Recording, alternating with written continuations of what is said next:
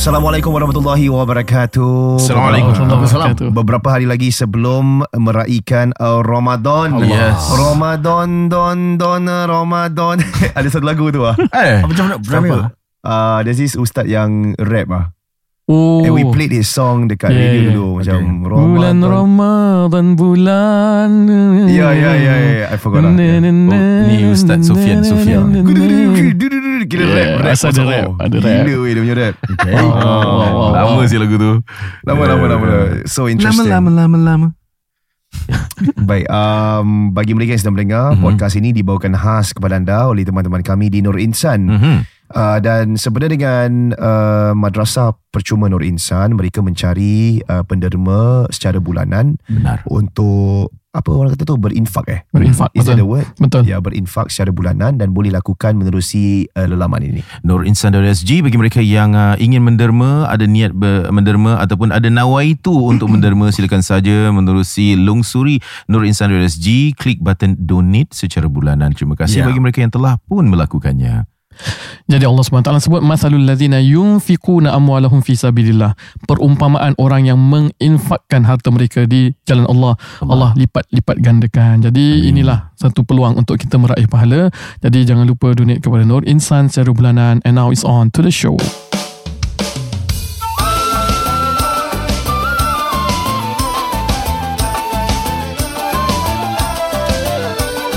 Jangan segan dan malu Marilah mendengar NGU Ajak kawan-kawanmu Menjadi pendengar berilmu Jangan segan dan malu Marilah mendengar NGU Ajak kawan-kawanmu Menjadi pendengar berilmu Lai lai lai lai lai lai lai lai lai lai lai lai lai lai lai lai lai lai lai lai Mari mendengar NGU Selamat kembali ke podcast NJU Non-Judgmental Ustaz, Non-Judgmental Ustazah. Dah lama tak ada Non-Judgmental Ustazah. Betul, betul.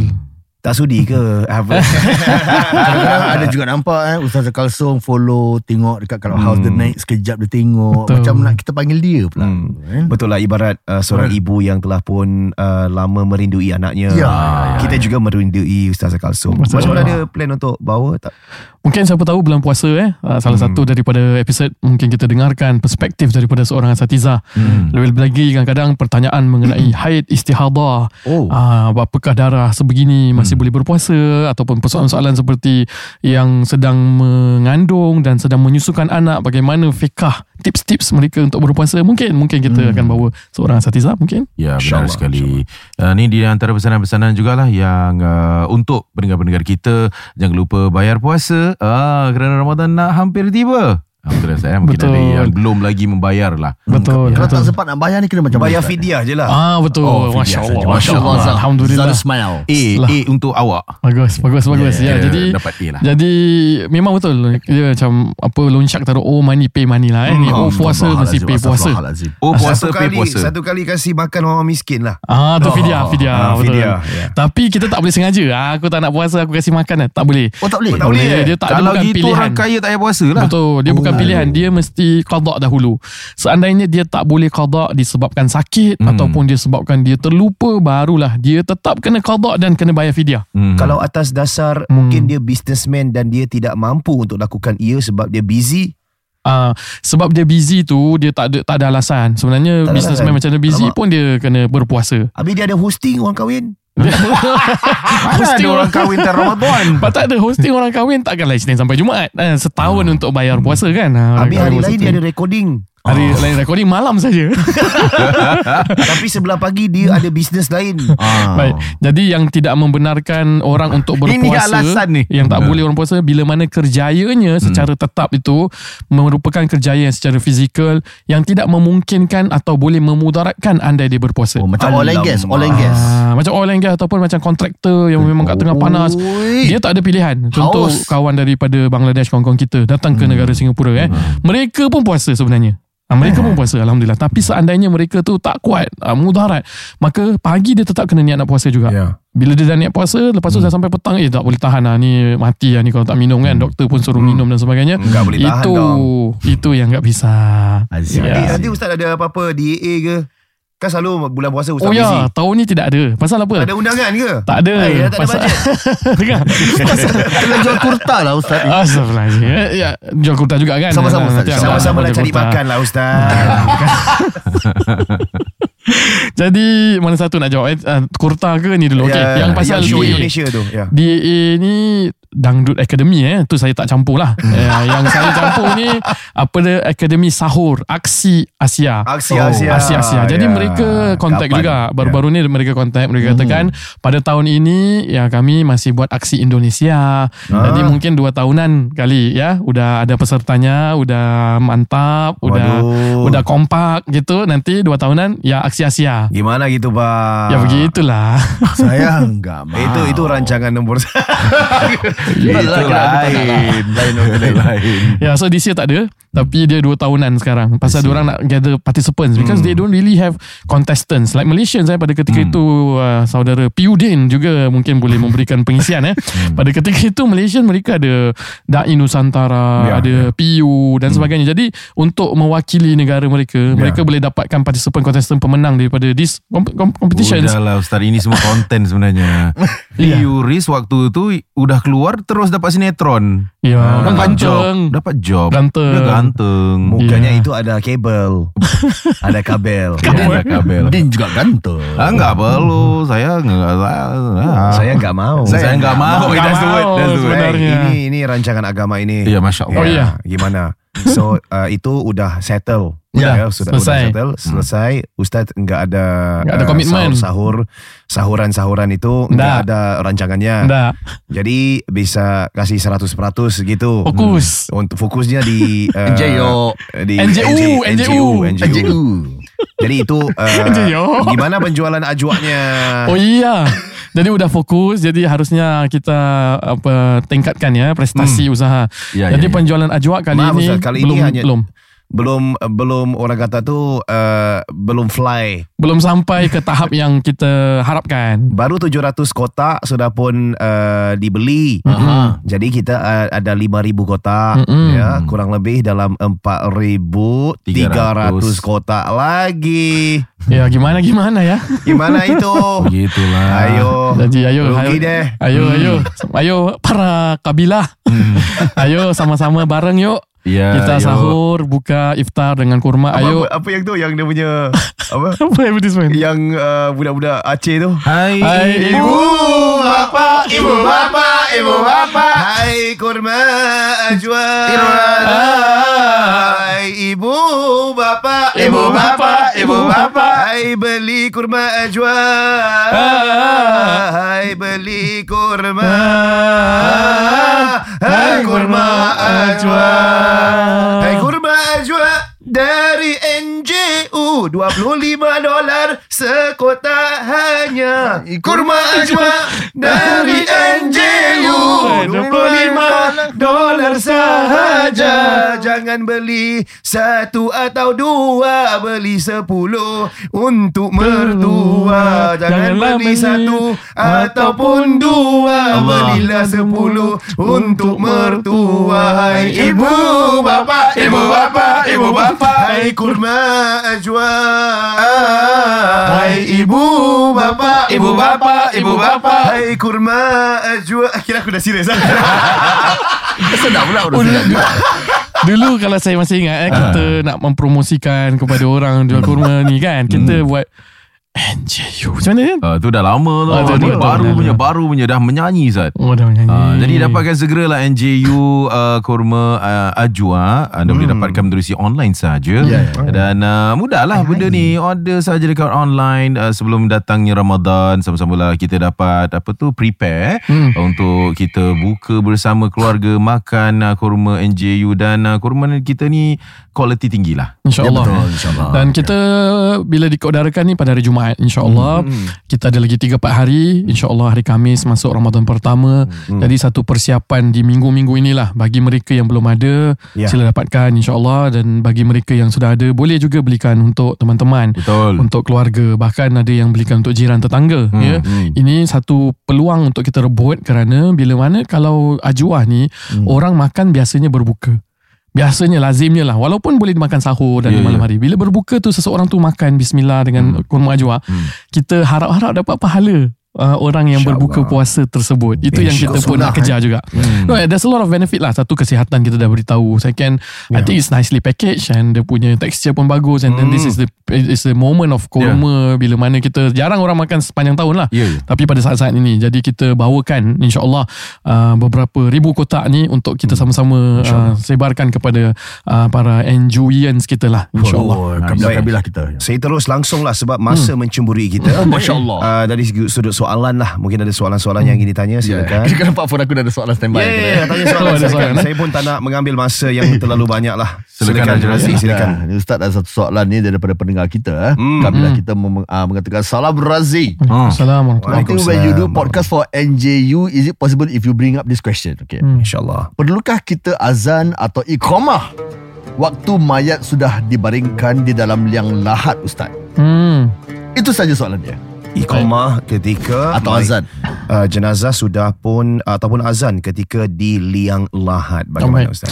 Jadi bila mana kita tahu yang wajib dahulu. Hmm. Apabila seseorang itu meninggal dunia, yang wajib kita uruskan adalah memandikan, mengkafankan, hmm. mensolatkan dan mengebumikan. Ya. Okey. Tapi di dalam ritual-ritual ini di antara selang-selinya, saya selalu sarankan pandangan para ulama, hadis-hadis yang pernah disebutkan Nabi sallallahu alaihi wasallam walaupun berstatus daif. Maknanya dia bukan status yang sahih yang kuat, tetapi ada kemungkinan ini adalah anjuran Rasulullah sallallahu alaihi wasallam dan juga para ulama tidak menafikan juga. Iaitu antara amalannya bila mana kita di kepala jenazah kita membaca contohnya surah Al-Fatihah, kita membaca awal suratul Baqarah ya dan juga surah Al-Falaq, An-Nas, Al-Ikhlas dan sebagainya dan akhir surah Baqarah. Mhm. Mm-hmm. Dan apabila di liang lahat juga merupakan amalan para salafus soleh juga untuk mengazankan dan mengikamahkan boleh. Para salafus soleh ni uh, Ah. golongan apa ni Ustaz? Salaf adalah generasi setelah Penerus. Penerus. sahabat Nabi SAW. Ah. Jadi pendahulu, salafus soleh ni pendahulu kita. Hmm. Jadi para pendahulu kita ni, ah, selalu orang faham, oh salafus soleh pendahulu kita ni dia hanya mengambil daripada amalan Rasulullah SAW sahaja. Hmm. Jadi tak tambah, tak kurang. Tetapi sebenarnya salafus soleh ini merupakan generasi yang apa orang kata rencam. Ada yang memang uh, rigid eh dia men- hanya mengamalkan amalan Rasul sallallahu alaihi wasallam dan tak tambah tak, tak kurang tak kurang seperti Abdullah bin Mas'ud dan sebagainya dia kata eh aku nak tambah ni nabi tak tambah kau nak suruh aku tambah ha. tapi ada juga salafus saleh generasi-generasi terdahulu mereka ada menambah beberapa amalan selama mana amalan itu mereka tak sandarkan kepada Rasulullah sallallahu alaihi wasallam I see. Hmm. selama mana amalan itu tidak salah dari segi hukum agama contohnya membaca ayat-ayat eh membaca zikir-zikir apabila al-keranda uh, sedang diusung Ya. kan bertakbir bertahmid eh? dan dan, dan I itu see. bukan satu benda yang wajib Hmm. mm-hmm. Hmm. ha, itu bukan satu benda yang Nabi SAW anjurkan pun mm-hmm. kan ha, kalau ada pun bukan hadis yang sahih tapi ada generasi salafus soleh yang mengamalkan termasuk azan dan iqamah bila mana jenazah berada di liang lahat jadi itu sebagai satu syiar ya bukan hanya untuk jenazah tetapi untuk semua yang tahu bahawa bila kita di liang lahat orang pun datang ziarah semua menyaksikan Allahu akbar aku sa- naik saksi tiada Tuhan melainkan Allah Nabi Muhammad pesuruh Allah hayya ala salat. jadi satu keinsafan sebenarnya azan ni kan Hmm. dia bukan memberitahu masuknya waktu dia bukan memberitahu apa namanya uh, apa memasuk waktu saja dia adalah satu syiar yang Hmm. ada dalam agama ini untuk kita sama-sama uh, la, apa laungkan bila pada Hmm. masa-masa tertentu wallahu okay. alam My Allah alam. So dan uh, ada lagi soalan yang Ada, ingin ada. ditanya oleh silakan Ada Din Rahim. Ada belat pula ada tuan. Darah, Ah, silakan, darah. Ya, baik uh, seorang uh, teman kita bertanya mengenai zakat. Mm-mm. Ah, ni ni nak nak nak masuk Nasib baik puasa ni kan. sebutan dia betul, ya. Zakat, ya. Yeah. So ada yang bertanya Hanya Allah saja yang tahu. zakat nisab Kelvin tu tak pernah masuk podcast eh. zakat nisab untuk budak-budaknya bank if lebih dari zakat nisab ni kena bayar tak? Ikut satu haul. Ah, ya, ya, ya. Tak. So ni nak cakap that word ya, kan? ya. so, sekarang zakat nisab dah berapa dah berapa eh? tujuh ribu dolar $7,000 dolar. So Mhm. mm-hmm. anak-anak yang mempunyai yalah account bank sendiri Mhm. mm-hmm. lepas tu dah melebihi 7000 dan dah masuk setahun setahun mm-hmm. Mhm. setahun dah 14000.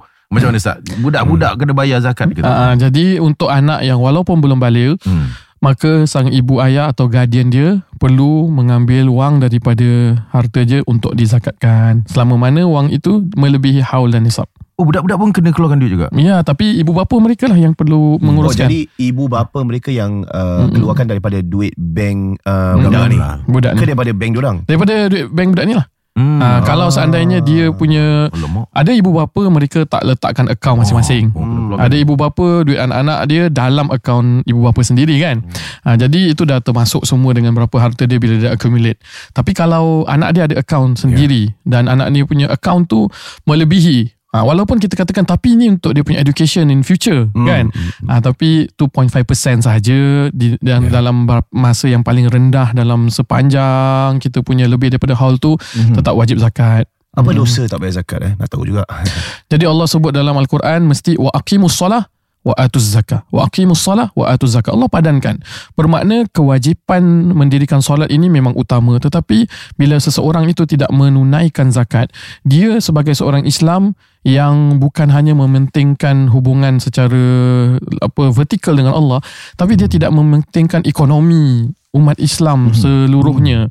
Jadi apabila semua orang membayar zakat, Hmm. Apabila semua orang yang mampu membayar zakat Pasal ekonomi ni memang begitu Dia Ya. yeah. mesti dalam dunia ni Ada yang fakir, ada yang kaya Kalau semua kaya Agak susah Hmm. uh, Untuk stabilize eh. Money works that way Ah. Kalau semua kaya Dah tak ada perkataan zakat Ustaz Betul Serius, ya. Betul Jadi uh, Walaupun pernah terjadi Pada zaman Sayyidina Umar bin Khattab Ada orang yang Sikit sangat orang yang nak menerima zakat Tapi Hmm. The way uh, Duit itu dipusing eh, Memang selalunya akan ada perlu Keperluan Kerana dia bukan hanya Kepada fakir dan miskin Right. Hmm. Asnaf zakat Asnaf zakat kepada orang yang mempunyai hutang Gharimin Asnaf zakat men- kepada orang yang Ibn Sabil Orang yang uh, Di luar negara Tiba-tiba uh, Tiba-tiba dia Terputus Duit dia Ah. Account dia Everything kan Ah, ah. dia kepada orang yang muallafatu qulubuhum orang yang baru cenderung nak minat kepada agama Islam dan dia tinggalkan segala-galanya Hmm. Ah. Mu'allafa kutubuhum Mu- muallafatu qulubuhum Mu'allafatu Kulubuhum. kulubuhum ah tu yang kita panggil maklab lah eh muallaf ya Mu'allaf. Malam Yalah, lagi pendek Oh Ah, maklab. Pakcik-pakcik panggil lah Mu'allaf, mu'allaf. Ah, Padahal maknanya- Qulubuhum. hatinya lembut lembut pada agama Baru kau faham Apa? Apa? datang dari- daripada mana Ah, Ya, maklab. maklaf eh Saya tak suka Mu'allaf. bila orang panggil macam mak- pakcik-pakcik. Ah ni maklap ni. ah dia Ah, macam ya. degrade Mana boleh cakap macam tu? Ah. betul kadang-kadang dia taruh bangsa lagi Ya, lidahnya yang diberikan sempurna disebut maklap. hmm, Kena potong nanti Aku potong. sepak kamu dengan kawan tahu ah. Kena tarik Kopiah panjang. tak pakai kopiah. Tapi ah, maaf ustaz maaf saya Oh, ya. saya terbawa-bawa saya Bagus, ada lah. trauma sebenarnya. Apa yang trauma Sebab Trauma apa? ada juga yang yang ah, ni cakap pasal zakat balik tu. ah cakap pasal zakat Uh, tadi Zara tanya macam apa dosa buat za- uh, tak bayar zakat dan sebagainya. Tapi ada yang juga yang mengatakan macam, okay saya tak bayar tapi saya menderma banyak, Ustaz. saya menderma je. Tu dah consider zakat ke tak tu? Tidak. Oh, tak, tak, Kerana tak, tak zakat percaya. Hmm. adalah satu benda yang wajib bagi mereka yang telah sampai setahun har- setahun Qamariah eh. Hmm. Setahun bulan Hijriah ni setahun hartanya melebihi dari nisab. Jadi dia wajib keluarkan. I Hmm. see Uh, walaupun dia sedekah sedekah sedekah, sedekah Ha. kan uh, tapi apakah sedekah tu 2.5% Oh. apakah oh. sedekah tu uh, pada ketika Ikut tu peraturan dia lah. Ah, taruhlah Ha, dia ikut kaya eh dia kaya dia dapat menang ataupun tak mau menang lah eh dia Yalah. dapat harta daripada bisnes dia 300 ribu dolar hmm. tapi dalam masa 6 bulan dah habis duit dia jadi dah tak wajib zakat tapi pada ketika itu dia derma 50 ribu dolar Ah.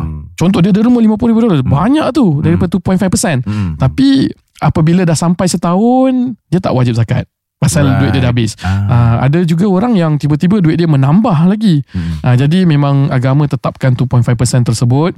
Untuk untuk kita hilangkan rasa tamak pada harta Untuk Betul. kita yakin bahawa harta ni semua rezeki daripada Allah Dan Allah yang aturkan Allah. Allah. Dan ada bahagian orang dalam Betul. situ Jadi tak semestinya fakir miskin Seperti yang saya sebut tadi Ibn Sabil Fisabilillah Apa namanya Mu'allafatu qulubuhum Al-gharimin Ini semua asnaf-asnaf zakat Maka bersesuaianlah dikatakan sucikan harta anda ketika berzakat. Itu yang kita inginkan. Sebab ada kalanya kalau kita tak berzakat tu ini bukan nak uh, nak ungkit lah Ya, dan sebagainya. Ada kalanya kadang-kadang kita terlupa untuk memberikan bahagian kita. Sebab kadang-kadang kekayaan kita tu bukan untuk kita tau. Mm, yes, kekayaan yang of diberikan course. Hmm. oleh Allah SWT untuk kita adalah Betul. untuk dikongsi sama. Dia Hmm, Ada perantaraan bahagian, ada bahagian-bahagian untuk orang yang lain. Pada rezeki Ah, orang yang, eh yang kita tidak berikan kita ambil dan ada kalanya kita fikir macam oh business drop lah kita yeah. Ya. tengah down lah tiba-tiba yeah. kehilangan wang yang besar lah kita refleksi balik introspect uh, introspect diri kita kembali adakah kita telah pun berzakat ataupun tidak ini satu perkara yang menimbulkan satu kesedaran dan kita ingin lakukan dengan baik bukan itu saja malahan dengan berinfak dan memastikan Mhm. uh, institusi seperti madrasah Nur Insan hmm. berterusan hmm. untuk memberikan uh, pendidikan agama yang tip top secara percuma Ya, ya. kepada anak-anak kita yang memerlukan. Hmm. Jadi Ya. yeah. lagi bila saya cakap memerlukan bukan yang uh, fakir miskin tau, Hmm. yang memerlukan sebab setiap orang memerlukan Ya. uh, pendidikan agama. Ya. Uh, kita telah pun melihat kepada bancian uh, 70% uh, penduduk uh, warga penduduk di sini Masya uh, Hmm. yang merupakan uh, golongan anak-anak muda tidak mempunyai uh, tidak orang kata tu masuk ke dalam madrasah mingguan eh Ah, Mm-mm. um, atas apa jua sebab sekalipun lah dan antara ikrar uh, teman-teman kami di Norinsa adalah untuk memastikan pendidikan madrasah secara percuma uh, Hmm. Mm-mm. madrasah mingguan untuk anak-anak muda kita. Masya Jadi kita teruskan um, orang kata ni satu satu movement yang murni Benar. yang mereka laksanakan sejak bertahun lamanya Ya. dengan memberikan menerusi bulanan. Benar sekali apa yang dikatakan oleh Akhizar Ismail. Ayo saudara-saudari yang kami Amor. muliakan, ayo sama-sama kita mengamorkan diri kita ini. Oh, Masya Maksudnya Allah. perlindungan daripada Allah SWT dengan apa? Dengan berinfak saudara-saudari. Ayo kita membantu anak-anak untuk mengenal Allah, untuk mengenal kewujudan Tuhan, untuk mengenal kewujudan Nabi, Nabi besar kita Nabi Muhammad sallallahu alaihi wasallam, Sallallahu untuk alaihi wasallam. mempelajari ilmu agama ini dengan apa?